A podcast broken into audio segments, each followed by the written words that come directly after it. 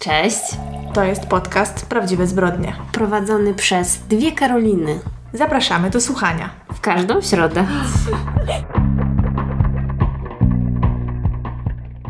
Nagrywamy dzisiaj w niedzielę rano, więc jak będziecie tego słuchać w środę, to wiedzcie, że dla nas jest dopiero niedziela. A to jest istotne, ponieważ, znaczy dla mnie istotne, ponieważ jutro dla mnie jest ostatni odcinek The Last of Us i dzisiaj w nocy są Oscary. Więc o tych dwóch kluczowych rzeczach nie możemy jeszcze porozmawiać. Dobrze, że się wytłumaczyłaś. Rozumiem, że o to chodziło. Tak. Ale no właściwie z tymi Oscarami to nie ma na co czekać. Znaczy ja będę oglądać w nocy, ale obstawiam, że wszystkie najważniejsze nagrody zgarnie ten film Everything, Everywhere, bla bla bla, a nie jestem fanką tego filmu, także nie. Czy dlatego wzięłaś jutro wolne? Nie. W sensie najpierw wzięłam wolne, a potem się skapnęłam, więc w sumie dobrze wyszło. Okej. Bo już się zastanawiałam, czy jesteś tak oddana. To znaczy, może nie powinnam się przyznać, ale tak mało obchodzą mnie Oscary w tym roku, że bardziej już nie obchodzić by mnie nie mogły. Nie, no ja oglądałam dużo filmów z listy Oscarowych, ale na pewno nie wszystkie, bo te, które mnie nie interesują, to po prostu olewam, bo nie ma co się zmuszać tylko dla faktu nagród. Amen. Ale myślę, że bardziej niż Oscary emocjonuje mnie kolejny odcinek The Last of Us, ale wiem, że Ciebie to też nie interesuje, więc nie pogadamy. No w ogóle ostatnio jestem w jakiejś fazie, że mało co mnie interesuje i obwiniam o to, jak to się nazywa, przesilenie wiosenne? Nie, co to jest? Jak to się nazywa? To co się No teraz jest dzieje? coś takiego. I jedyną rzeczą, jaką oglądałam w tym tygodniu, poza serialami, które są po prostu, wiecie, moją strefą komfortu po pracy, to było Daisy Jones and the Six. Czy ty oglądałaś? No, włączyłam to, ale nie wiem ile obejrzałam, bo spać mi się chciało i zasnęłam. No właśnie, ja obejrzałam wszystkie. A, wszystkie obejrzałaś? Które są jakby dostępne, bo sześć ich chyba jest dostępnych. Wczoraj właśnie też jeszcze oglądałam. Chyba w sumie ich będzie z 10. Nie wiem dlaczego w ogóle robią aż 10 odcinków, tak szczerze mówiąc. Przynajmniej tak widziałam tam na Filmwebie czy gdzieś. Nie wiem, czy to jest faktycznie poprawna informacja. Jeśli nie, to wybaczcie.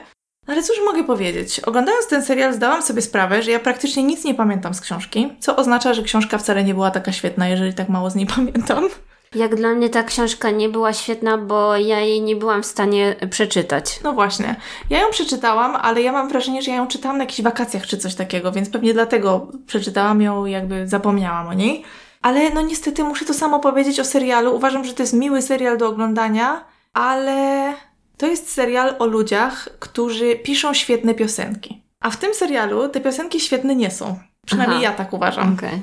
To mają być jakieś wspaniałe piosenki, które porywają tłumy, Bóg wie co. Są to dosyć takie, no okej, no wpadające w ucho, ale powtarzam, to ma być o ludziach, którzy piszą wybitne piosenki. No więc tutaj trochę mi się to nie zgadza. No bo problem jest w tym, że to jest wszystko fikcja, prawda? A ciężko jest wymyślić, jakby, czy też stworzyć w serialu jakieś tam piosenki nowe, Tak. Które by były najlepsze na świecie, jakby, no bo takie piosenki już są. Bo to tam chyba To się dzieje w latach 70. Tak, w sensie dużo, znaczy to może nie jest jakaś tam inspiracja jeden do jeden, ale wiem, że to może mieć dużo wspólnego z tym zespołem Fleet Foxes, no nie?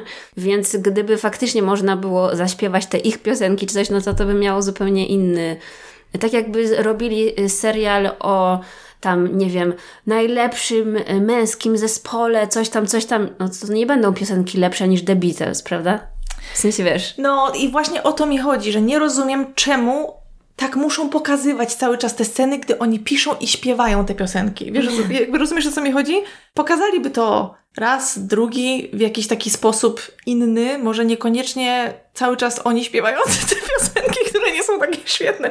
Jakby w ogóle mi się to nie zgadza w mojej głowie, drażni mnie to. I ja tutaj się nie czepiam aktorów, bo aktorzy mi się podobają. Oczywiście wszystkich tak pięknych tam dali do tego serialu. Na przykład żonę głównego bohatera gra, jak się nazywa ta kobieta? Camila Monroe chyba? Taka w tych długich, ciemnych włosach. Ta, co tam jest fotografką? Tak. No przecież ona jest tak piękna, że ja nie mogę się na nią przestać gapić. Strasznie mi się podoba. No i w ogóle wszyscy tam są piękni, umówmy się. Kostiumy czy mnie powaliły? No są fajne, ale czy mi dupę urwały? Też nie. No nie wiem, to jest taki średni serialek dla mnie na razie. Taki, żeby obejrzeć, okej, ale nic wybitnego, a widzę, że ludzie się tym zachwycają. Mm. Może to są ci, którzy kochają książkę, no nie wiem. Ja też nie wiem, bo właśnie zdziwiło mnie to, że ja ten serial włączyłam i jakby to powiedzieć. Włączyłam ten pierwszy odcinek i byłam bardziej podekscytowana przed włączeniem niż w trakcie oglądania. No, tak, rozumiem o co chodzi. tak, tak, tak, tak, tak. Mhm. Dlatego może tak coś zaczęłam w telefonie robić, potem stwierdziłam, ale jestem zmęczona, może 15 minut drzemki i tak Mhm. jakby nie wróciłam już do tego.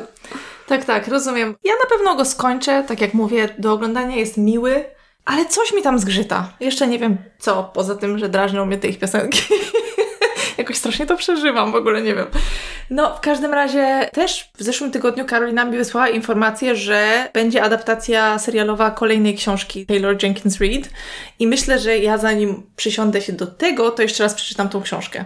A ja akurat z tej książki bardzo dużo pamiętam. Tamta na mnie Była mega lepsza, tak? zrobiła. Tak, tak, tak. Ta była zdecydowanie lepsza. Mówimy tutaj o siedmiu mężach Evelyn Hugo, tak się to nazywa? No, mam nadzieję, że nie pomyliłam.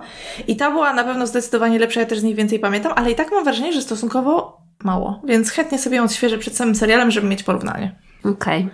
Poza tym chciałam jeszcze nawiązać do serialu, o którym mówiłam ostatnio, czyli Daily Alaska i stwierdziłam, że muszę przestać go oglądać, bo wiesz jaka była scena w ostatnim odcinku? Główna bohaterka tam poznała takiego kolegę, tam chyba w pierwszym odcinku bodajże i oni w ostatnim odcinku postanowili rozpocząć swoją znajomość od nowa i się sobie przedstawili. Kojarzysz tą taką żenującą scenę, że o, to może zacznijmy od nowa i podają sobie ręce i się przedstawiają. To jest koniec, po prostu to jest koniec. Ktoś, kto pozwolił, żeby taka scena była w serialu w 2022 chyba wyszła. Nie, nie, po prostu nie. Absolutnie. Jak tak można? Przecież to jest żenada. Cringe Central. No, dosłownie. Naprawdę, ja wyłączyłam telewizor, odwróciłam się, w ogóle wyszłam z pokoju. To jest za dużo jak na moje nerwy. Czy ty masz jakieś takie sceny, które są dla ciebie niedopuszczalne poza tą? Bo to mi dało do myślenia. Co jeszcze sprawiłoby, żebym wyłączyła telewizor? Trudne pytanie. No nie wiem. Przemyśl to, porozmawiamy o tym może kiedyś. No, a ty co oglądałaś? No ja, żeby nie być zbytnio dramatyczna, powiem, że miałam tydzień z piekła rodem. No, okej. Także na seriale miałam bardzo mało czasu. Jedyne, co mi tam umilało właśnie, nie wiem, jedzenie obiadu czy coś takiego, to Abbott Elementary, bo ja sobie to tak oglądam po jednym odcinku tam przy jakiejś okazji. Ale wiesz, że ja mam problem z tym serialem, nie trafia do mnie. Obejrzałam kilka odcinków, ale nie jest to dla mnie zabawne niestety. Aha, no ja tam się śmieję czasami. No jest śmieszne dla mnie. Rozumiem, rozumiem. Więc tak, ale jak już ten tydzień się w końcu skończył i mogłam usiąść na kanapie i odetchnąć, to skorzystałam, skorzystałam z Twojej rekomendacji tego serialu pod sztandarem nieba. I muszę powiedzieć, że jestem bardzo zdziwiona, że nie mówi się o nim w internecie. Jest fantastyczny, prawda? Tak, jest świetny, to znaczy nie miałam jeszcze czasu, żeby go skończyć, bo kurde, każdy odcinek trwa ponad godzinę, to jest I trochę jest- przesada. No, nie wiem, mnie to bardzo cieszyło, bo naprawdę ten serial mnie wciągnął, zresztą już to mówiłam, dla mnie był, był super. No, także jest bardzo dobry. Jest dostępny na Disneyu i w ogóle, nie wiem, ta aplikacja jest taka dziwna. Nawet na tym Disneyu, żeby dotrzeć do tego serialu, trzeba się nieźle namęczyć, bo on ani na głównej stronie nie wyskakuje, ani nic takiego. Także nie wiem. No, ja odkryłam go w taki sposób, że po prostu zaczęłam szukać y, nowości i czytać recenzje i po prostu się natknęłam. No, ale zazwyczaj jak jest jakiś taki fajny serial, no to jednak na Instagramie tam obserwuję jakichś ludzi, którzy seriale polecają, czy coś takiego. Nic. Dziwne bardzo. Widzisz, także powinnaś korzystać tylko z moich rekomendacji. No, dokładnie, dokładnie. A czy twój chłopak z tobą oglądał może? Tak, tak, oglądamy razem. I co ma na ten temat do powiedzenia? Aż jestem ciekawa. No, to samo co ja, w sensie, no, oglądamy razem, podoba mu się. Wow, okej, bo też chyba nie wszystko mu się podoba. Nie, ale takie historie on też lubi. Mm. On nie lubi takich klimatów, jakby, przepraszam za użycie tego twu, twu słowa, ale takich babskich. Okej. Nie lubię babskich klimatów, dobra. No. Znaczy nie, no śmieję się, bo jakby wiadomo, że nie ma czegoś takiego jak kobiece i męskie, jakieś tam seriale, no bo to jest bzdura, ale jakby wiecie o co chodzi. on na przykład jak tylko widzi jakieś osoby, które są trochę młodsze, na przykład ja bardzo lubię oglądać tam jakichś, nie wiem, licealistów czy coś, a on od razu, tfu, to jest jakieś o dzieciakach, dla ba, weź idź mi z tym. Albo jak jest jakieś takie tam, wiesz, miłostki, takie rzeczy, to on tfu. Ale takie bardziej jakieś takie dramaty kryminalne czy coś tam, no to lubi. No to dobrze, cieszę się. A propos czytania książek i nic nie pamiętania, to właśnie, no nie miałam za dużo czasu, ale tam przed snem sobie czytałam tą książkę, o której mówiliśmy ostatnio. A jeśli jesteśmy złoczyńcami, Mhm. nie wiem o co chodzi, czy to jest kwestia tego, że to jest po polsku, a ja czytałam po angielsku, ale czytam to zupełnie jak nową książkę. O proszę. W sensie ja tak sobie, wiadomo, coś tam, jakieś przebłyski mam, ale to nie jest tak, że ja mam zaspoilerowaną całą fabułę. Mhm. Bo tam tak mam wrażenie dużo się dzieje, że Mogło ci też coś umknąć za pierwszym razem? nie sposób tego wszystkiego spamiętać i naprawdę mi się wydaje, że tak 90% tej książki zapomniałam. Także stwierdziłam, że może to jest świetny pomysł, żeby po prostu swoje ulubione książki czytać tak raz na, nie wiem, półtora roku czy coś. Ja bardzo lubię wracać do książek, które zrobiły na mnie wrażenie w przeszłości. To jest coś, co robię może nie co półtora roku, ale zdarza mi się, także No bo to strasznie umyka. Ja tak naprawdę już tydzień później nie pamiętam wszystkich rzeczy, a co dopiero rok później. Także no, mm, nie wiem, może powinnam brać jakieś na pamięć, jakieś leki. Oj tak, kochana, oj tak, ale powiem Ci, ja mam ostatnio taki problem z czytaniem, niech mi ktoś pomoże, ja nie mogę się skupić w ogóle. Na serialach jest mi się ciężko skupić, a na książce, ja teraz czytam książkę już tak długo, nie wiem nawet już ile dni, po prostu nie mogę, nie mogę się w ogóle skupić na czytaniu, naprawdę, jest jakiś dramat. Ostatnie dwa tygodnie bardzo trudno mi idzie, a przyszedł mi stosik nowych książek, zamówiłam tam nawet tego Twojego Stonera, więc może powinnam odłożyć tamtą i zacząć jego czytać, może to mi pomoże, jakoś naprawdę jest ciężko, ale mam wrażenie, że ja mam tak cyklicznie, że co pół roku mam jakiś kryzys, więc może to jest po prostu czas kryzysu, nie wiem. Czas kryzysu. Ale wiesz, no. jaka się czuję winna, że nie mogę w ogóle czytać, że jakby żadnej książki nie, nie skończyłam ostatnio? Mm. Strasznie mam jakieś takie poczucie porażki, powiedziałabym nawet. no. Oczywiście doza niepotrzebnego dramatyzmu, wiadomo, ale no, nie jest mi z tym dobrze. No co, nie ma co się stresować, może po prostu musisz, wiesz, chwilę odpocząć i wrócisz na ten właściwy tor. To jest to pewnie. Albo wiesz co, dawno nie brałam kąpieli z książką, więc może to jest to, co powinnam zrobić. Mhm. No dobrze. Jestem bardzo ciekawa, co dziś dla nas przygotowałaś. No właśnie możesz się poczuć jako po prostu sponsorka Mhm. tej historii, bo no wiadomo, oglądałam ten serial, ja bardzo lubię klimaty fanatyczno-religijne, więc tak chciałam znaleźć coś z tego kręgu. A to wiesz co? Moja przyjaciółka Dorota, którą ty też znasz, bardzo będzie szczęśliwa, bo ona nawet wczoraj do mnie pisała, tam mówiła, który tam odcinek się jej ostatnio podobał i powiedziała, że bardzo chciałaby usłyszeć coś o sektach. A, okej, to znaczy no sekta to nie będzie, ale no dobra, zobaczycie. Ten klimat? Zobaczycie. Zacznijmy od tego, że w 2019 roku, więc sprawa jest no, dość świeża, dwójka dzieci tajemniczo zniknęła w Idaho. To była 16-letnia Tylee Ryan i ona była ostatni raz widziana 8 września. No i zniknął też jej 7-letni brat, który nazywał się JJ Wallow. I on był ostatni raz widziany 22 września. No i e, sprawa staje się jeszcze bardziej tajemnicza i podejrzana, kiedy okazuje się, że matka tych dzieci, Lori Wallow, ona w ogóle nie wydawała się tą sprawą zmartwiona. I kiedy zainteresowała się tym policja, to ona w ogóle nie chciała współpracować z policją i nie chciała powiedzieć, gdzie są te dzieci. Na początku rodzina Lori oczywiście stała w jej obronie, cały czas utrzymywali, że ona była świetną matką, że kochała swoje dzieci i nigdy by ich nie skrzywdziła, bo Lori miała trójkę dzieci już w tym momencie i na swoim koncie pięciu mężów. Więc powiem Wam mniej więcej, jak wyglądała historia życia Lori do tej pory. Więc w 92 roku, w wieku 19 lat, y, wzięła ślub po raz pierwszy z chłopakiem, z którym chodziła do liceum, ale to małżeństwo nie trwało długo, bo kiedy miała 22 lata, to wzięła ślub ponownie z Williamem Lajola.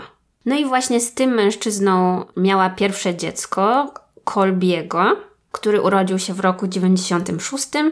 No ale małżeństwo znowu nie trwało zbyt długo, bo w 98 roku wzięli rozwód. No i tak e, pojawia się mąż numer ile? Mąż numer 3, sorry, już sama się pogubiłam. W 2001 roku to był Joseph Ryan. On po ślubie zaadoptował tego Colbiego. No i poza tym urodziła im się córka i to była właśnie ta Tylee. Ona urodziła się w roku 2002. No ale tutaj też nie było dobrze w tym związku. Na początku oczywiście wydawało się wszystko super, ale potem chodziły takie słuchy, że Joseph przejawiał agresję wobec y, wszystkich członków rodziny, więc y, rodzina Lori też była w stosunku do niego negatywnie nastawiona, bo wszyscy widzieli, że on no, nie jest zbyt dobrym człowiekiem i w końcu wzięli rozwód w 2005 roku, ale też tutaj w tej historii pojawia się brat Lori, który nazywa się Alex. On zawsze stał w obronie Lori i był taki powiedzmy bardzo pomocny i bardzo taki opiekuńczy. No i on właśnie w obronie Lori często wchodził w konflikty z jej partnerami. I tutaj na przykład e, Alex zaatakował tego Josefa paralizatorem i wyobraź sobie, że strzelił mu tym paralizatorem w serce, więc jakby to mogło się źle skończyć. Za to został skazany na 90 dni więzienia. Więc tutaj też widać, że Alex, no, ma takie również przemocowe zacięcie, tak bym to powiedziała. Ale Lori y, nie poddaje się, w dalszym ciągu szuka miłości i po raz kolejny znajduje ją. To jest już mąż numer cztery bierze ślub z Charlesem Wallowem w 2006 roku. I tak, tutaj już właśnie wkracza ten wątek religijny, ponieważ nie powiedziałam jeszcze, że Lori była wychowana w religii Kościoła Jezusa Chrystusa Świętych w dniach ostatnich, czyli LDS, czyli Mormoni. Mhm. No i ten Charles był katolikiem i właśnie w związku ze ślubem z Lori postanowił przejść na jej religię. I tutaj też pojawia się ten syn JJ, ponieważ JJ to jest tak naprawdę członek rodziny Charlesa. Tu jest sporo imion w tej historii, więc mam nadzieję, że się nie zagubicie. W każdym razie Charles miał siostrę i ten JJ to jest tej siostry wnuczek. Okej. Okay. No. Więc właściwie to szczegółów dokładnie nie znam, ale domyślam się, że ta siostra miała po prostu dziecko, które w młodym wieku dorobiło się dziecka mhm. i był to JJ i ta osoba nie brała udziału w wychowaniu tego dziecka, więc Charles razem z Lori postanowili przyjąć tego JJ jako swoje dziecko już właściwie chyba niedługo po tym, jak on się urodził, bo on się urodził w 2012 roku. Z początku układało im się bardzo dobrze i było to najdłuższe małżeństwo Lori do tej pory. Jej rodzina go bardzo lubiła, jakby było widać, że to jest po prostu dobry człowiek, że w końcu trafiła na kogoś normalnego. On też się opiekował tą córką Lori Tylee, tym JJ-em, Colby, czyli ten trzeci, najstarszy syn Lori już z nimi nie mieszkał, bo on już był pełnoletni, ale też jakby miał kontakt z tą rodziną, także wszystko było w porządku. Ale sprawa zaczęła się komplikować, ponieważ około roku 2015 Lori trafiła na książki napisane przez Chada Daibela i stała się jego psychofanką. Chad napisał około 25 książek o końcu świata, w tych książkach również opisywał swoje bliskie spotkania ze śmiercią, bo miał takich kilka w życiu. Poza tym też on, zanim stał się autorem książek, to też pracował na cmentarzu. Kopał groby, kopał groby i był grabarzem, mhm. więc jakby taka kwestia śmierci była bardzo istotna w jego życiu i on również należał do kościoła tego mormońskiego w tej religii był wychowany tak samo jak Lori. No i właśnie te doświadczenia śmierci stały się takim motywem przewodnim w jego twórczości, bo na przykład jeździł na różne konferencje, wypowiadał się też w różnych podcastach, opowiadał o tym, co widział wtedy, że miał wtedy jakieś, wiesz, wizje. bo on twierdzi, że te e, dwa wypadki, które miał, spowodowały, że ta zasłona dzieląca życie doczesne i świat duchowy została częściowo tak jakby rozsunięta. I on dzięki temu miał taki tunel, który łączył go z tym światem takim spirytualnym, za światami. Mhm. I na przykład mówił o sobie, że czuje się jakby, wiesz, stał między tymi dwoma światami. I tu jedną nogą, i tu jedną hmm, nogą. Czyli był takim łącznikiem. Tak, tak, tak, no. On twierdził, że ma wizje właśnie dotyczące przyszłości, ale że też wie, co się działo w jego poprzednich życiach, poprzednich wcieleniach. Właśnie, że słyszy takie proroctwa i w związku z tym wie, że koniec świata się zbliża bo właśnie to pojęcie takie doomsday, ogólnie jak w internecie jakoś tam się szuka informacji o tej sprawie, no to oni są nazywa, nazywani doomsday couple, czyli mhm. wiesz, no. Znaczy nie wiem, czy wy wiecie. Karolina przytaknęła. Ja wiem. Kto ma wiedzieć, ten wie. Wiadomo. Zgooglajcie. No i właśnie Lori była bardzo zafascynowana tym, co on e, mówił, bardzo to do niej przemawiało. I tak właśnie w 2018 roku, na jesień, Lori razem z jej przyjaciółką Melanie pojechały na taką konferencję zorganizowaną przez Preparing a People. Jak rozumiem, to jest tytuł podcastu, czy też może całej takiej organizacji, która właśnie też jakby popierała takie poglądy, że oni przygotowywali na koniec świata. No i właśnie tam Lori poznała Chada, od razu między nimi klikło. Mhm. Zaiskrzyło. Zaiskrzyło. No i Chad na przykład powiedział wtedy Lori, jak już ją poznał, że on wie, że oni byli małżeństwem w swoich poprzednich wcieleniach. Nawet w siedmiu poprzednich wcieleniach. Więc tak jakby to jest tylko kwestia czasu, aż oni znowu będą razem, no bo są tymi bratnimi duszami, wiesz. Niezły tekst na podryw. Mhm. No i tak się sobie spodobali, że oczywiście utrzymywali kontakt, mimo że mieszkali w dwóch różnych stanach. Parę tygodni później, kiedy mąż Lori wyjechał z miasta i ona miała wolną chatę, to postanowiła zorganizować w swoim domu spotkanie. Nie wiem, czy to właśnie miało być takie spotkanie spirytualistyczne, ale właśnie na tym spotkaniu był też Chad, bo on akurat wtedy był w tym stanie na konferencji. Tam było więcej osób, ale wszyscy widzieli, że Chad i Lori no to zwracają uwagę praktycznie tylko na siebie. Ale on tam też pełnił funkcję takiego właśnie lidera, że kiedy on opowiadał te swoje, wiesz, wielkie mądrości, no to wszyscy jego słuchali. Kocopoły chciałaś powiedzieć?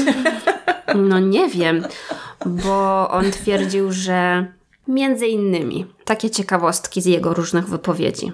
Przeżył 31 różnych żyć na różnych planetach podobnych do Ziemi, no bo oczywiście Ziemia nie jest jakby jedynym, wiesz, światem, mhm. na którym żyją ludzie.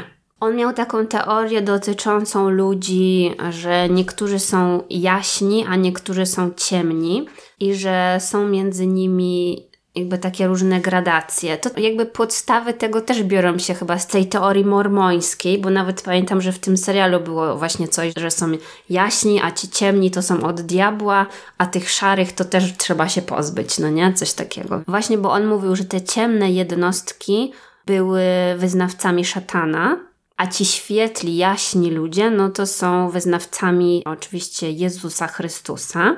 Twierdził, że on i Lori to są istoty wieczne, dlatego one jakby skaczą między tymi światami, czy no nie wiem, no to trochę brzmi jak taka reinkarnacja, ale nie sądzę, żeby on tutaj był wyznawcą reinkarnacji, to była jakaś inna teoria. No i wiesz, jak on to wszystko mówił i jeszcze Lori usłyszała, że ona też jest tą taką osobą wybraną, tą wieczną istotą, no to już w ogóle całkiem się w nim zakochała. Następnie w grudniu wystąpili razem w podcaście właśnie Preparing a People, czyli to było chyba duże wyróżnienie dla nich, no bo wiesz, już tutaj wypowiadali się jako tacy eksperci, prawda? Bo oni mówili właśnie o tym, jak przygotować się na drugie przyjście Jezusa na ziemię. Bo według nich drugie przyjście Chrystusa miało nastąpić w lipcu 2020 roku I wtedy będzie ten sąd ostateczny, czyli ta też apokalipsa, i że oni, to znaczy się Chad i Lori, jako te osoby wybrane, one znajdą się w 144 tysiącach tych ocalałych wybrańców. No jakby ma to sens, prawda? Tak. No i jeszcze tutaj pojawia się wątek zombie. Właśnie tego brakowało w tym miksie.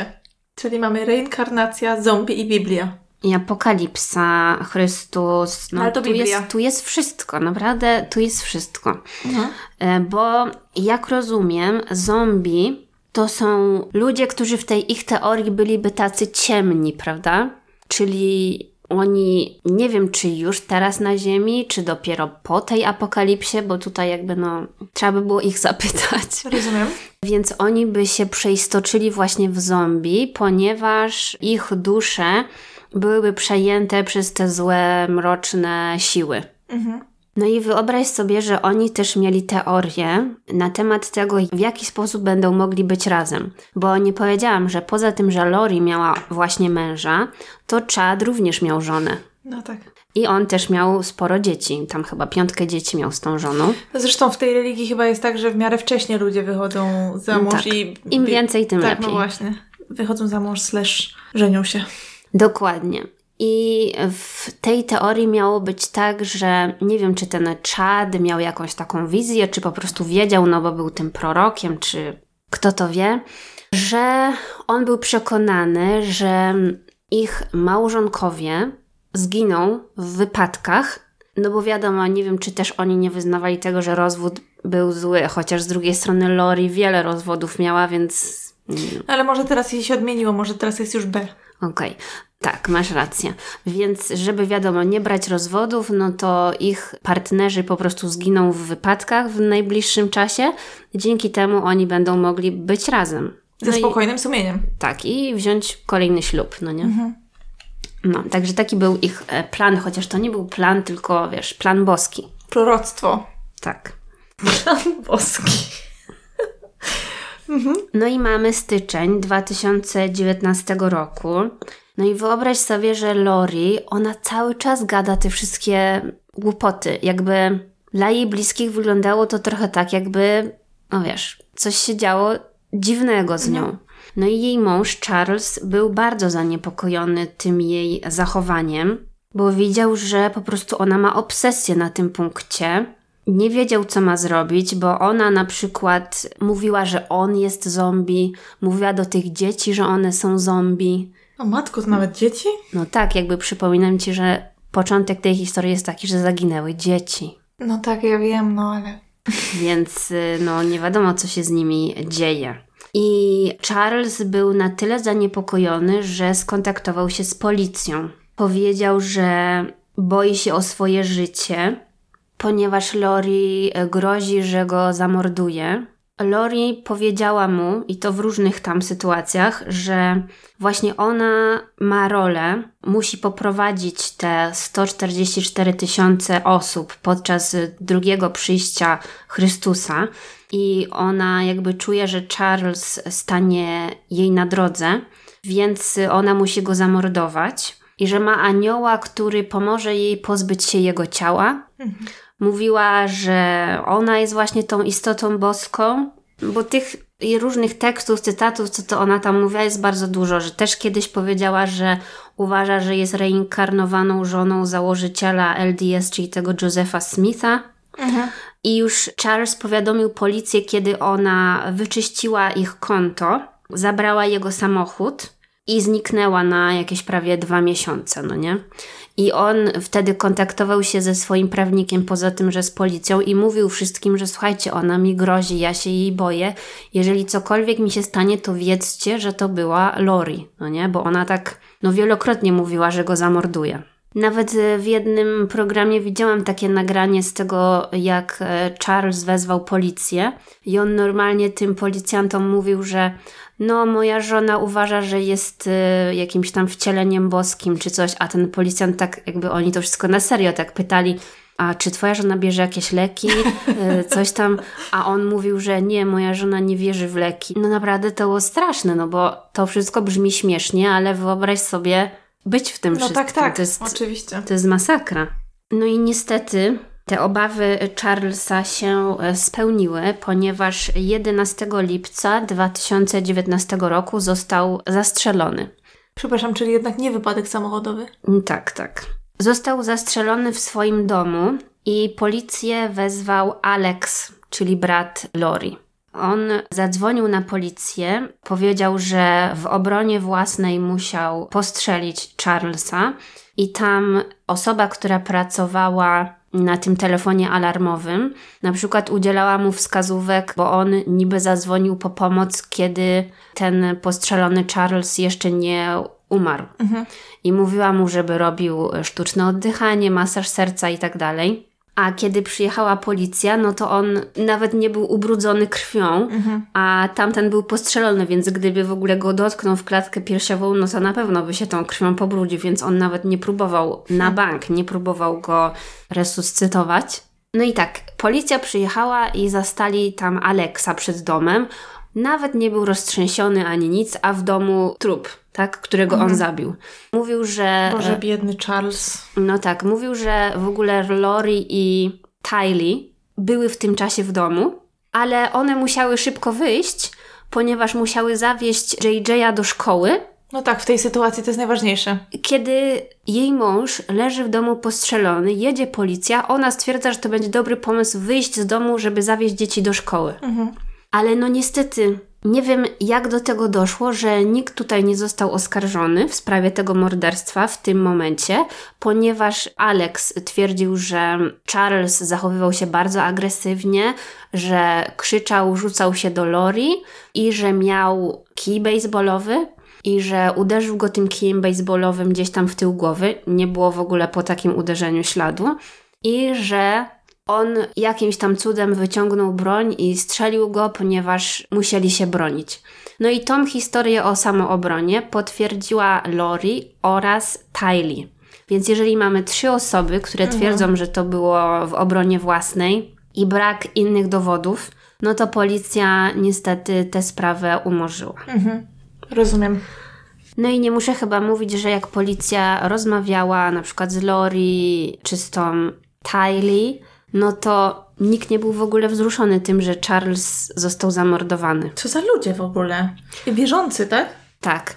I jeszcze wyobraź sobie, że Charles miał oczywiście swoją rodzinę, też miał syna z innego małżeństwa i Lori nawet nikogo nie poinformowała o jego śmierci. Podobno ten syn dowiedział się o strzelaninie i o śmierci ojca z wiadomości.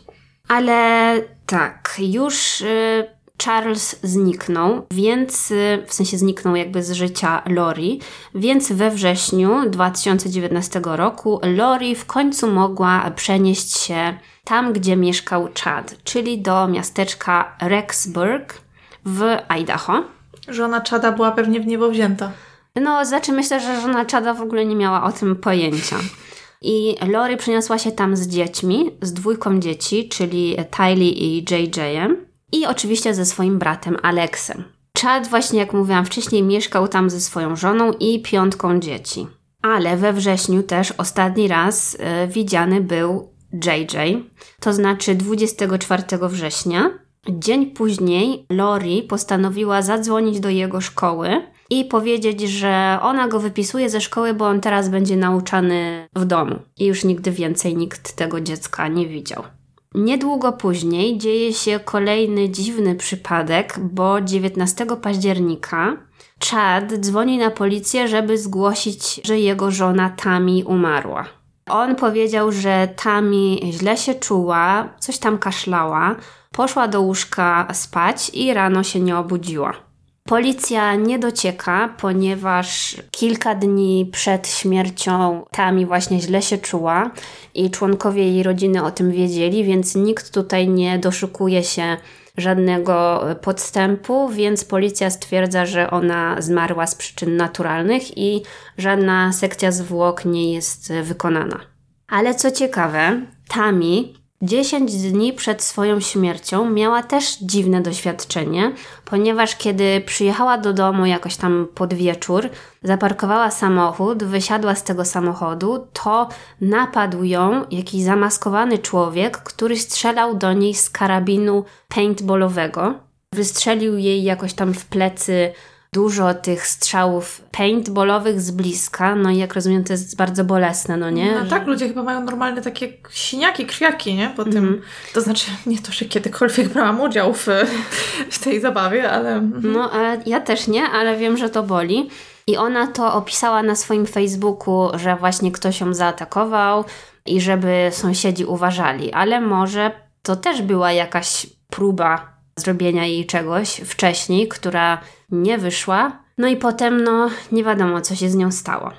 W każdym razie nikt na ten moment nie kwestionował jej śmierci. No i kolejna rzecz, która się dzieje, no to już w międzyczasie też nikt nie widzi tej Tylee, bo ona ostatni raz była widziana, jak mówiłam, 8 września. Więc tak, 19 października Tami nie żyje, a 5 listopada Lori i Chad biorą ślub. To chyba jakaś najdłuższa żałoba w historii świata była. Mhm. Więc nie dość, że Chad powinien teraz być opłakującym swoją żonę wdowcem, a Lori powinna martwić się o swoje zaginione dzieci, to nie, oni postanawiają wyjechać na Hawaje. Nie zaprosili nikogo ze swoich bliskich, ale jest wiele zdjęć z ich ceremonii, gdzie są właśnie w takich białych szatach z tymi wiankami e, na szyi, no i uśmiechają się, całują, wiesz, są w siódmym niebie, że właśnie biorą ślub. Na plaży oczywiście, no bo to tak bajecznie. No ale cały czas był problem tego, że nikt nie mógł zlokalizować dzieci. I w szczególności JJ-em, czyli tym mniejszym chłopcem, bo on wtedy miał 7 lat. No, no to sam by sobie nie poradził. Tak, miał 7 lat i miał autyzm, więc y, jego dziadkowie byli z nim w stałym kontakcie, no nie? Czyli ta siostra i jej mąż to była siostra tego zamordowanego Charlesa. Tak. Dodatkowo też była rodzina z drugiej strony rodziny Tylee, która też no, chciała wiedzieć, co się z nią dzieje. Dziadkowie JJ'a w końcu zadzwonili na policję. 26 listopada wysłali funkcjonariuszy, żeby próbowali odnaleźć tego JJ'a, bo Lori i Chad opowiadali jakieś dziwne historie. Na przykład Lori twierdziła, że JJ jest u jej koleżanki właśnie gdzieś tam w tym mieście, więc kiedy policja na prośbę tych dziadków poszła do tej koleżanki, no to ta koleżanka powiedziała, że no nie ma go tutaj i go tutaj nie było. I właśnie tego 26 listopada policja oficjalnie otworzyła sprawy osób zaginionych właśnie dla Tylee i JJ'a, bo w końcu jak zaczęli przesłuchiwać ludzi, to okazało się, że od kilku miesięcy nikt w ogóle nie widział tych dzieci, więc no musieli dowiedzieć się, co się z nimi stało. Policja w związku z tym zaczęła współpracować z FBI. Dostali nakaz przeszukania wszystkich tych zaangażowanych osób domów i właściwie żadnych śladów po Lori i Czadzie nie znaleźli, bo pozostawili jakby swoje domy w takim stanie, że szybko się spakowali i wyszli. Bo tak naprawdę nie było wiadomo dokładnie, gdzie oni są, bo oni między tymi Hawajami a Idaho tak trochę kursowali, więc nikt nie był pewny, gdzie oni w tym momencie przebywają, no nie? Śledztwo policyjne i federalne trwa w grudniu i styczniu, już jesteśmy w roku 2020. I im bardziej zaczęli zagłębiać się w te sprawy, to zaczęli zauważać inne podejrzane wypadki, jakie były właśnie w ich otoczeniu. Więc postanowili przyjrzeć się śmierci Tami, czyli żonie Chada. W związku z tym ciało Tami zostało ekshumowane, żeby przeprowadzić autopsję. I już w tym momencie sprawa zyskała naprawdę wielki rozgłos, Dlatego nie tylko to społeczeństwo lokalne, ale i media w całych Stanach Zjednoczonych mówiły o tym i wszędzie były takie nagłówki, że gdzie są dzieci? Wszędzie było where are the children? I kamery po prostu łaziły za tą Lori i Chadem, jak oni gdzieś tam się pojawiali wśród ludzi, a oni tylko się po prostu uśmiechali i w ogóle odwracali i... Szczelne a wiesz, dla nikogo to nie było zrozumiałe, no bo jak matka może nie współpracować z policją, którzy pytają o to, gdzie są jej dzieci? To się nikomu w głowie nie mieściło. Mi również się to w głowie nie mieści. To skandaliczne. No jest, oczywiście. A rozumiem, że ona żyła swoim najlepszym życiem ze swoim ukochanym, którego była psychowanką. Tak i przygotowywali się na apokalipsę, no Świetnie. nie?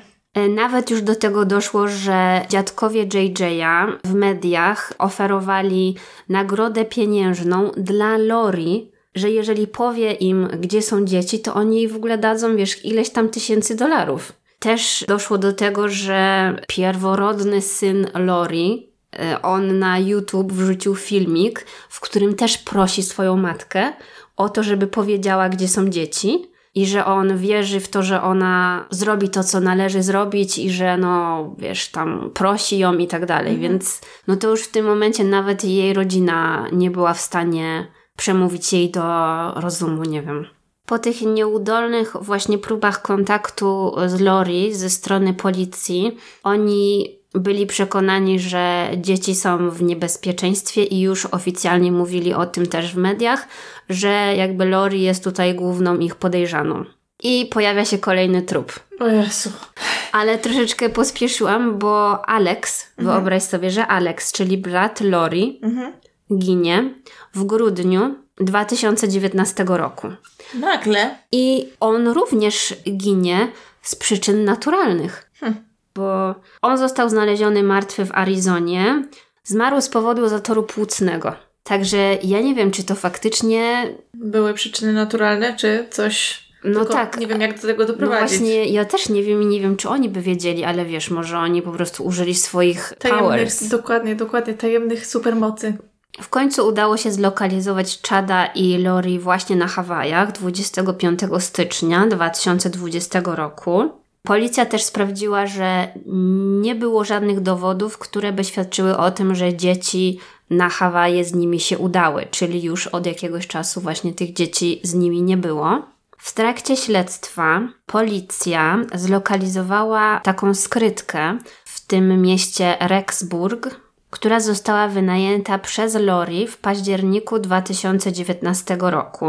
I kiedy udało im się tę skrytkę otworzyć, to znaleźli tam rzeczy, które należały do Tylee i JJ'a.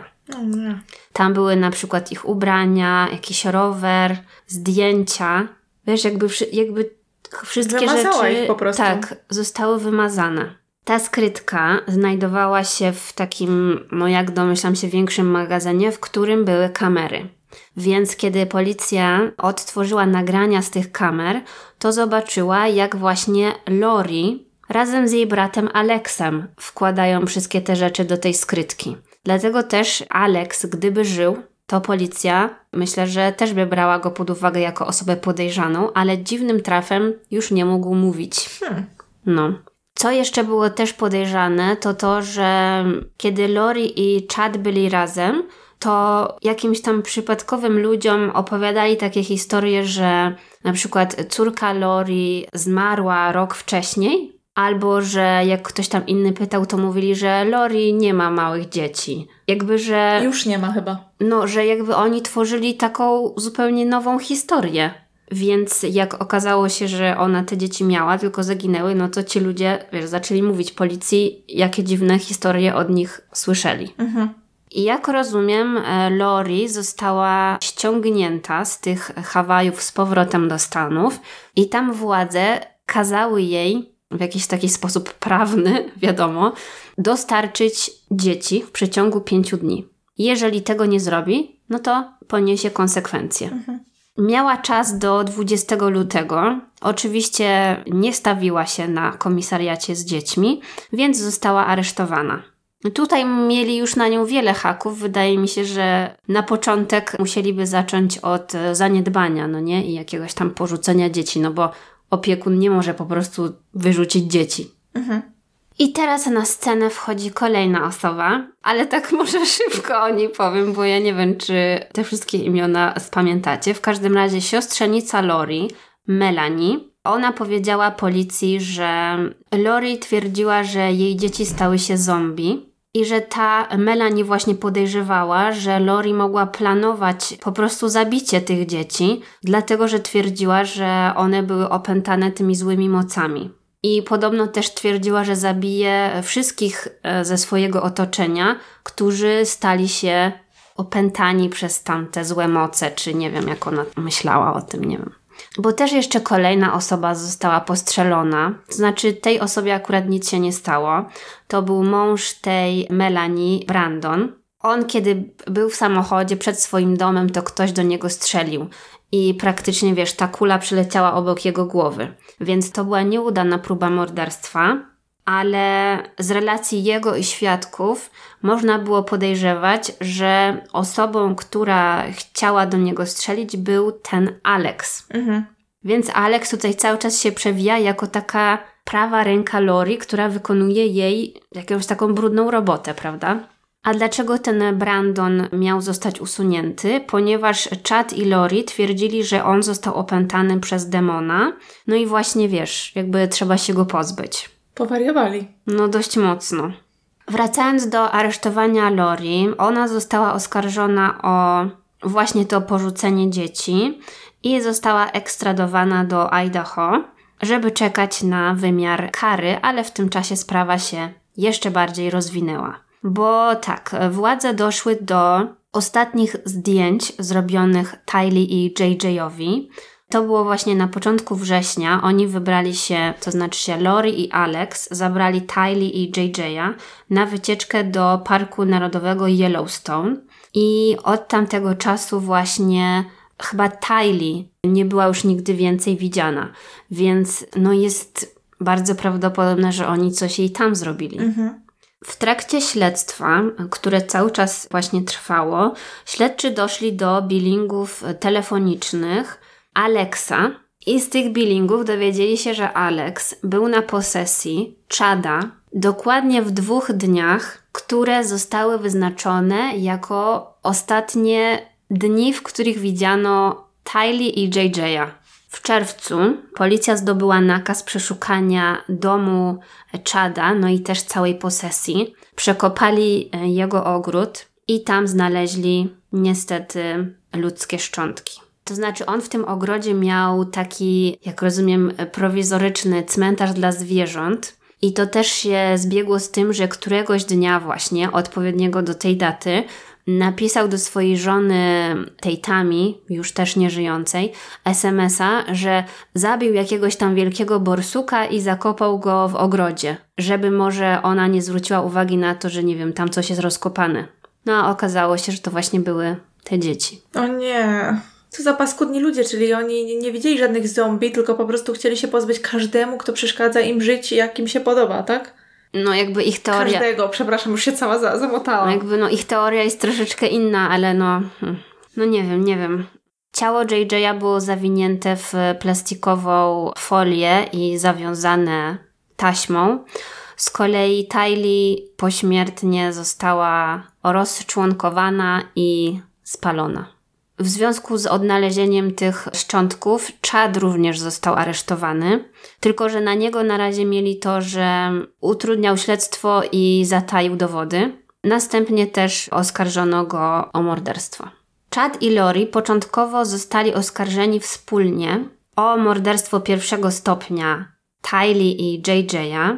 Również zostali oskarżeni w związku ze śmiercią Tami, czyli żony Chada, i Charlesa, czyli męża Lori. No, jak mówiłam, władze również uważają, że Alex odegrał tutaj kluczową rolę, bo on tak naprawdę był widziany we wszystkich miejscach. No i nie mówiąc o tym, że on pociągnął za spust, żeby zamordować tego Charlesa.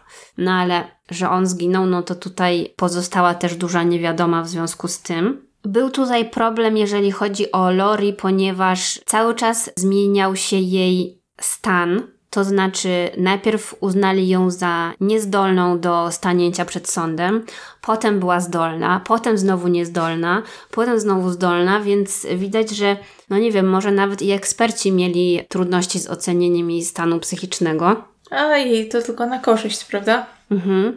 I już właściwie to, co mówię, to się rozgrywa teraz. Mhm. Więc chyba po prostu za wcześnie znalazłam tą sprawę, bo nie mogę powiedzieć, na ile zostali skazani, ale myślę, że nie ma tutaj żadnych wątpliwości i na pewno zostaną uznani za winnych i będą w więzieniu przez długi czas. Ostatecznie ich procesy będą odbywać się osobno, bo o to też prawnicy walczyli, żeby rozłączyć te dwie sprawy. Data procesu była przekładana, no też wiadomo, że to się wszystko rozgrywało w trakcie COVID-u i tak dalej, więc dlatego są duże opóźnienia, ale będę to śledzić, bo oni mieli stanąć przed sądem w kwietniu. W sensie ostatnia data, jaka była podana w internecie, to że kwiecień, więc zobaczymy. Więc będę to śledzić i jak już padnie ten wyrok, to na pewno Wam powiem. I to tyle. Dobrze, to czekamy. Mam nadzieję, że spotka ich zasłużona kara bo z tego, co mówisz, to no po prostu obrzydliwi ludzie. No oczywiście tutaj też ta kwestia poczytalności, czy w ogóle Lori jest zdrowa psychicznie, no ale z drugiej strony, hmm... Działanie z premedytacją jednak tutaj jest, no nie? Powiem, że dążyli do celu naprawdę po trupach. Nie można im odebrać zawziętości. No, ale też chciałam zauważyć, jaka jest różnica, znaczy to jest wiadomo, ale jaka jest różnica między mediami amerykańskimi, a na przykład naszymi, no bo wyobraź sobie, że zdążyło już tyle programów powstać mhm. na temat tej sprawy. Tam jest Dateline, 48 Hours, coś tam jeszcze z ABC, Crime TV Special, jakby mnóstwo tych różnych takich najbardziej topowych amerykańskich programów kryminalnych już jest o tym, a oni nawet nie zostali jeszcze osądzeni. No tak, ale wiadomo, że to najbardziej ludzi um, no, interesuje. interesuje. Właśnie zastanawiałam się, jakie jest dobre słowo. Także ja sobie nie wyobrażam, co będzie po procesie, bo przecież jeszcze tyle szczegółów w trakcie procesu Zrobią wyjdzie. kolejne wersje, bo na przykład wydaje mi się, że to 48 Hours i 2020 chyba też w taki sposób robią, że ja na przykład znajduję informację, że o, był odcinek 2020 na ten temat, nie wiem, tam w 2000 którymś, a potem patrzę, że jest na przykład też sprzed dwóch lat jakaś wersja, gdzie chyba uzupełnili mhm. po prostu i on jest, nie wiem, tam dwa razy dłuższy czy coś. Więc chyba w taki sposób operują. No cóż, wiedzą, co się klika i co się ogląda. No ja też niestety sporo rzeczy musiałam pominąć, bo tak to byśmy tutaj siedzieli przez kolejne trzy godziny. Ale myślę, że nakreśliłaś co trzeba, prawda? Więc y, jeżeli Was to jakoś bardziej zaciekawi, to umieszczę w opisie różne linki właśnie do tych programów, bo tam no naprawdę jeszcze sporo można się dowiedzieć. Myślę, że można było po prostu taką mapę rozrysować, bo tutaj jeszcze tyle osób, te jakieś postrzelenia, to i coś tam, no masakra. No to teraz jestem ciekawa, co ty dla nas przygotowałaś. Tak, ja dzisiaj przygotowałam historię. Uśmiechnęłam się pod nosem, kiedy powiedziałaś, że ja jestem sponsorką Twojej historii, ponieważ Ty w pewnym sensie jesteś sponsorką mojej. Fiu, fiu. Miałam w tym tygodniu duży problem, e, żeby znaleźć coś, co zwróciło moją uwagę, i wtedy przypomniało mi się, bo przeglądałam nasze ostatnie odcinki, bo tak chciałam zobaczyć, hmm, jakie sprawy tam opowiadałam. Myślałam, że znajdę jakąś, wiesz, inspirację tam, że coś może mi się przypomni. I Twoja historia z zeszłego tygodnia, bo wydarzyła się w Wielkiej Brytanii, przypomniała mi historię, którą miałam na liście rezerwowych, która właśnie wydarzyła się w Wielkiej Brytanii, więc to w zasadzie dzięki Tobie. 10 listopada 2007 roku mężczyzna, który nazywa się, może nazywajmy go po polsku Adrian Proud. Już myślałam, że Graham. Nie. nie, nie. Adrian e, zgłasza na policję, że jego żona zaginęła. Policja oczywiście przyjeżdża do niego, żeby spisać raport i okazuje się, że Adrian zgłasza to bardzo późno, dlatego że on swojej żony nie widział już od pięciu dni. No jest to hmm. troszkę dziwne. Zapraszają mężczyznę na rozmowę, na posterunek, y, no i oczywiście zadają mu pytania o to, czy zniknęły jakieś jej rzeczy, czy w ogóle przeglądał jej rzeczy, odkąd ostatni raz z nią rozmawiał, kiedy była w domu, co ze sobą zazwyczaj zabierała, gdy wyjecha, wyjeżdżała i generalnie jakie miała zwyczaje, czy była osobą taką, na której można było polegać, czy dotrzymywała różnych spotkań i tak dalej. Adrian informuje policję, że myślał, że jest ona u rodziny, myślał, że jest u siostry w innej miejscowości i że gdyby coś się działo, czy jakby zaginęła, czy coś by się jej stało, no to ktoś by go poinformował. Policja postanawia porozmawiać oczywiście z sąsiadami, z osobami z ich otoczenia, ponieważ para mieszkała w miasteczku, a w zasadzie na wsi, która nazywała się Red Marley w Gloucestershire. Nie znam. Nie znasz. Nie no, jest to chyba generalnie mało znana wieś. Bardzo mała, taka typowo rolnicza. Jak to powiedział pan mieszkający tam w jednym z programów, które widziałam na temat tej sprawy, że no tam się raczej nic nie dzieje i im się to podoba, że tam się nic nie dzieje. Jest kościół, jest pub i w zasadzie tyle. Mhm. Sąsiedzi mówią, że nie widzieli jej ostatnio. Pojawia się pytanie, może miała jakiś wypadek, a może na przykład wyjechała na wakacje. Ponieważ z różnych rozmów, jakie przeprowadzają, policja dowiaduje się, że Kate tamtego roku wyjeżdżała już e, sama na wakacje, na przykład we wrześniu i w październiku. Z innymi osobami niż e, swój mąż. O, to jakiś fajny układ. Mhm. Tak, tak. To znaczy nie, nie, nie chyba e, w sensie romantycznym, tylko po prostu wyjeżdżała bez męża. No mi się też zdarza wyjeżdżać bez narzeczonego. Policja postanawia zwrócić się przez media do ludzi i do Kate bezpośrednio, prosząc ją o zgłoszenie się lub o jakieś informacje. Z rozmów z ludźmi z otoczenia pary wynika, że sprawiali oni wrażenie, jakby oddalili się od siebie. Para poznała się w roku 99, jak rozumiem, przez brata Kate y, i dość szybko wzięli ślub, bo w roku 2000. Wspólnie kupili farmę właśnie w Red Marley. Kate była nauczycielką w przeszłości, natomiast y, odziedziczyła sporą sumę pieniędzy po jej rodzicach. Jej rodzice już nie żyli, zostali jej tylko y, brat i siostra. Para miała dwa pieski, prowadzili gospodarstwo rolne, oboje zresztą pochodzili właśnie z takich y, rolniczych rodzin. I prowadzili to gospodarstwo z sukcesami. Jak rozumiem, Adrian był tutaj główną osobą odpowiedzialną za prowadzenie tych biznesów. Poza tym, że mieli to gospodarstwo rolne, organizowali też polowania na bażanty, hodowali te bażanty i jeszcze tam kilka innych rzeczy. W każdym razie wiodło im się dobrze. W trakcie śledztwa sprawdzają oczywiście bilingi i wyciągi kobiety. No i tutaj okazuje się, że na jej koncie brak jakichkolwiek ruchów tak? Nikt nie wyciągał żadnych pieniędzy. Mm, z jej telefonem podobnie. No, a wiadomo, że to nie jest dobry znak. Nawet jeżeli kobieta postanowiłaby wyjechać, no to korzystałaby ze swojego konta, korzystałaby z kart, a jeżeli postanowiłaby uciec od Adriana, to wtedy no też potrzebowałaby pieniędzy, prawda? Nawet jeżeli nie potrzebowała jego, bo jakby miała sama swoje pieniądze i, mogłaby sobie spokojnie ułożyć życie na nowo, no to mimo wszystko y, kasy by potrzebowała.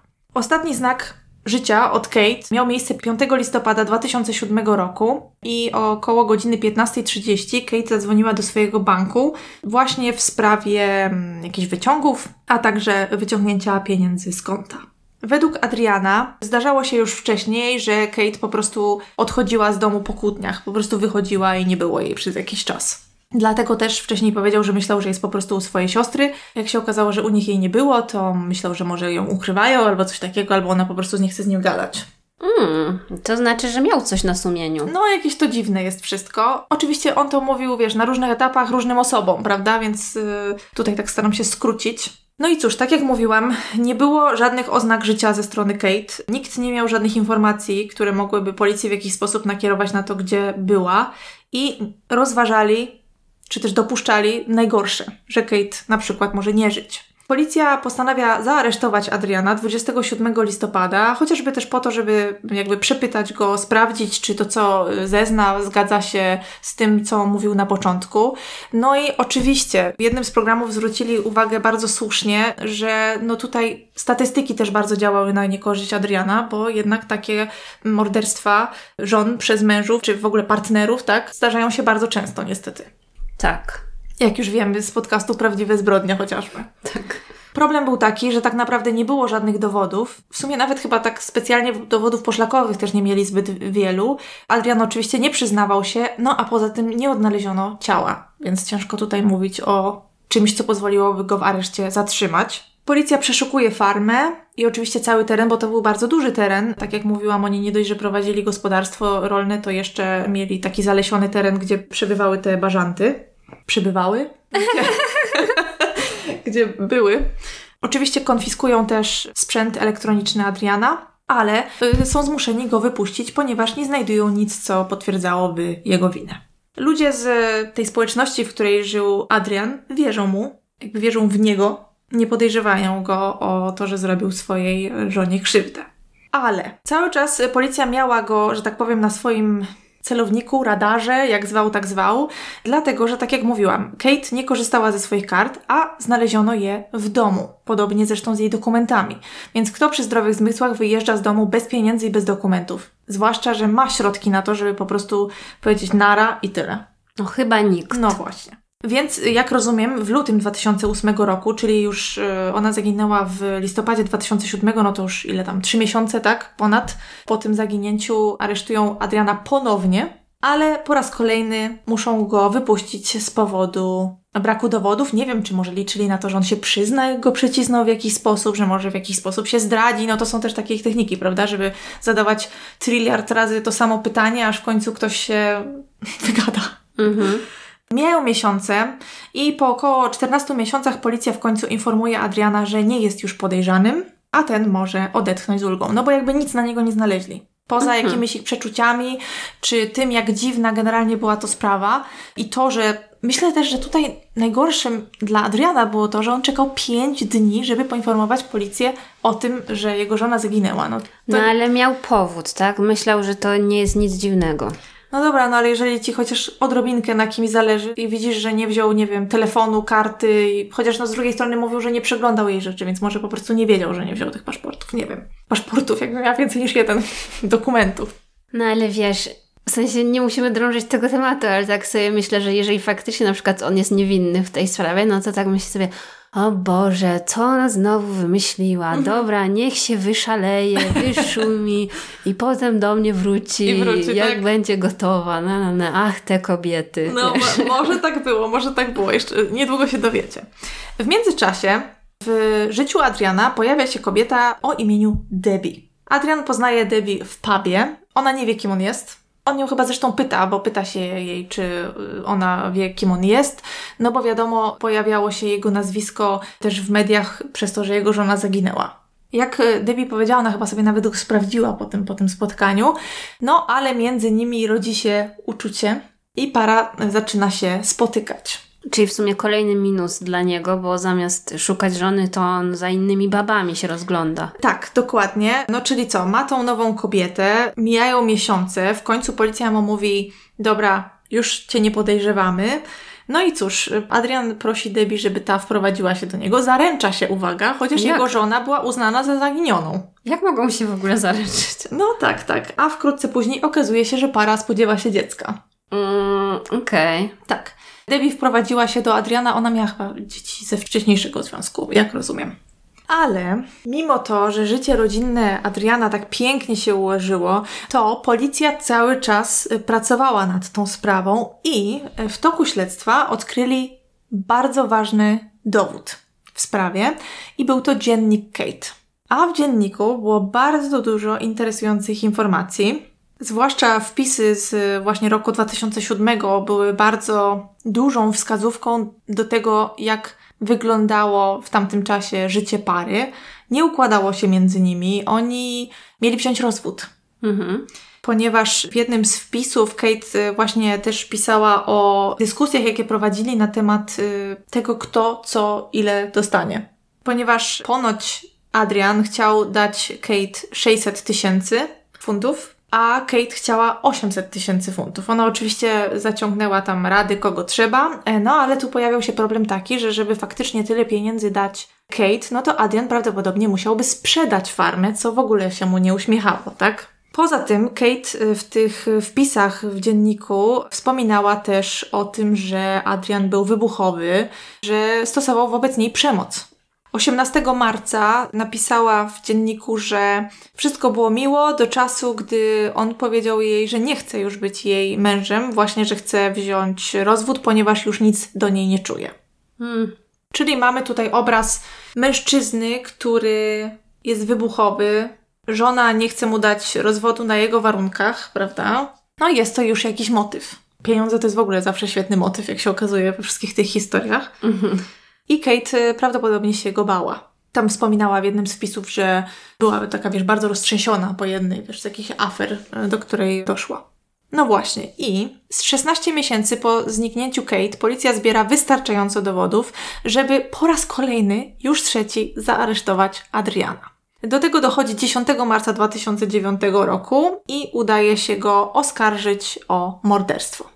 Właśnie mają motyw, no jest tylko jeden problem, brakuje ciała i dużo dowodów jest poszlakowych. Oczywiście nowa rodzina Adriana jest w szoku, czyli Debbie, bo ona jak najbardziej wierzy w niewinność swojego narzeczonego. Mężczyźnie udaje się wyjść za kaucją.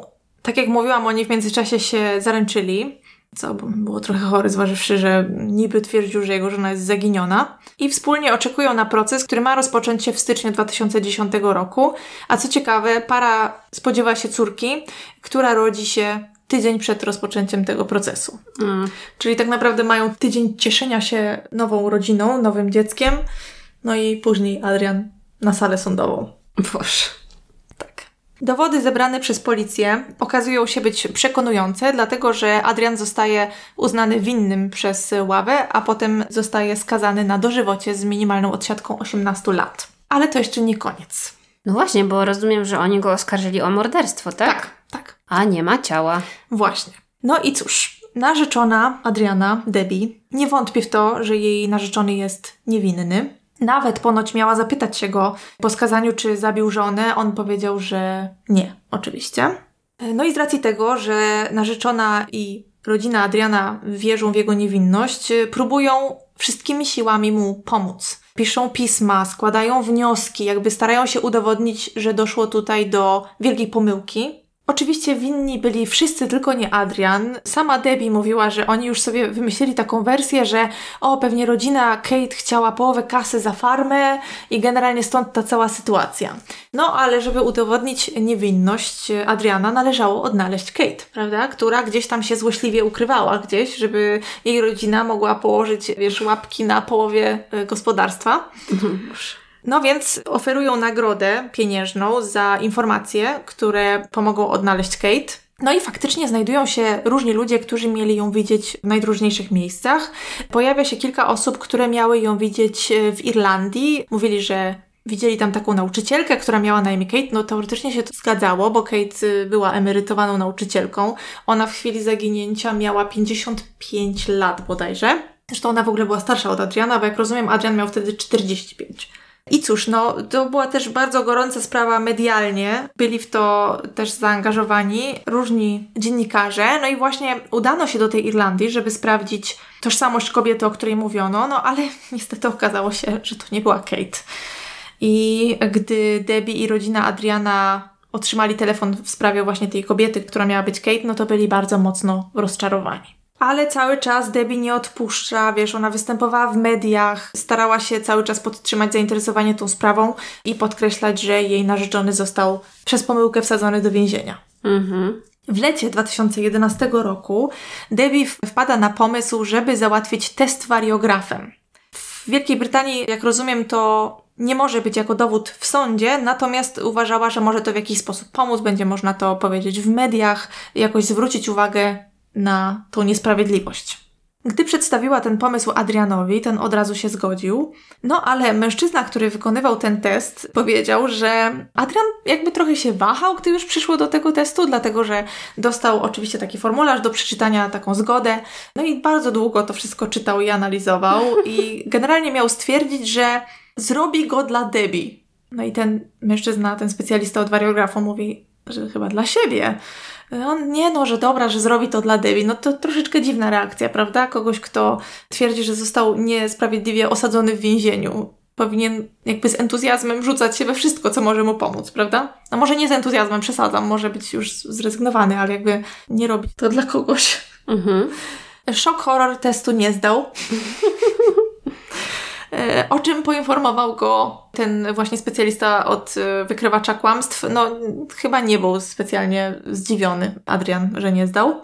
Natomiast Debbie była zdruzgotana, gdy ten mężczyzna, który przeprowadzał test, poinformował ją o wynikach. To była kolejna pomyłka według niej. E, nie, nie, w ogóle Adrian, zanim w ogóle Debbie porozmawiała z tym panem od, od testu, miał jej powiedzieć, że test został źle wykonany. Nie wiem, czy w ogóle on nie użył słowa sfałszowany. Mhm. I w ogóle jeszcze przed testem, zanim do niego doszło, teraz mi się przypomniało, Debbie powiedziała, że zanim test został wykonany, bo tak, Adrian się zgodził na ten test, a potem po kilku dniach miał zadzwonić do Debbie i powiedzieć jej, że on się boi, że ktoś ten test wykona właśnie nieodpowiednio, czy zostanie sfałszowany właśnie. Więc on sobie jakoś tak budował, wiesz, całą tą narrację. No ale Debbie powiedziała bardzo rozsądnie, powiem szczerze, bo ona w jednym z programów bardzo dużo się wypowiada. Ten program się nazywa Killer in My Family, czy Killer in the Family, coś takiego oczywiście nazwy Wam podam w opisie, bo tych programów jest kilka na jego temat.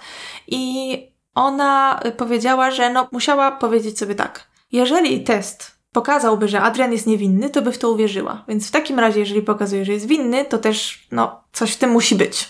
Mm.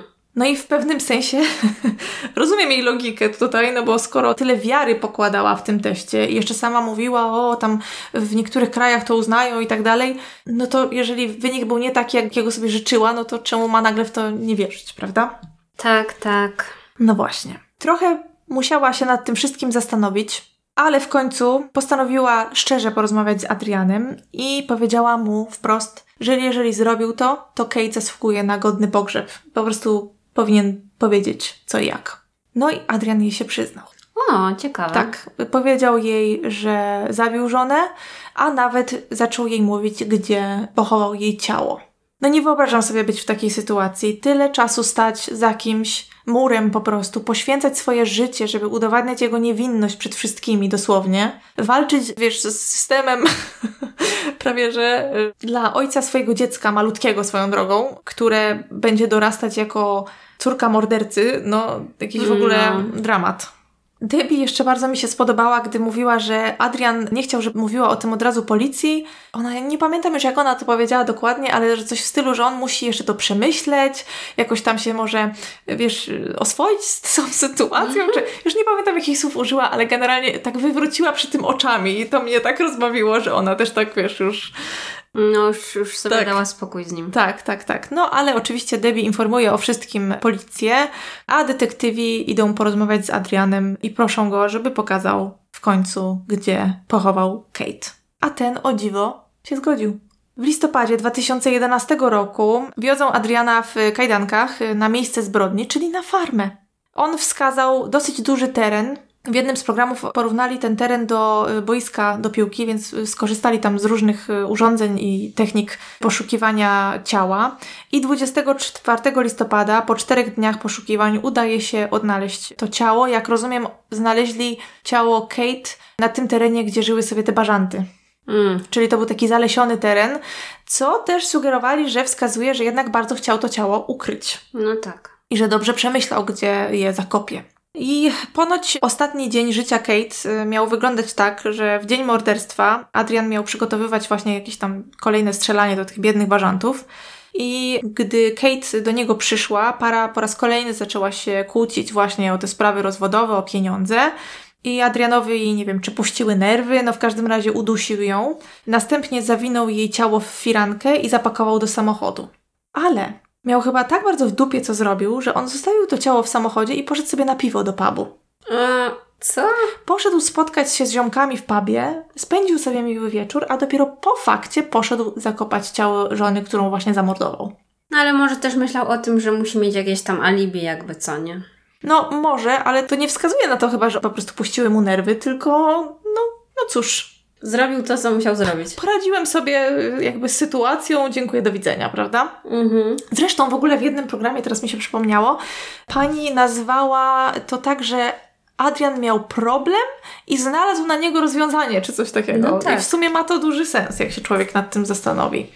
No, bardzo mi szkoda jest Debbie w tej całej sytuacji. Mówiła, że czuje się winna też wobec na przykład rodziny Kate, która no jednak bardzo dużo wycierpiała się przez ten czas. Oni no cóż, wiedzieli, że ich siostra nie zniknęła o tak sobie, a wszyscy wierzyli Adrianowi, no to musiał być straszny cios, prawda?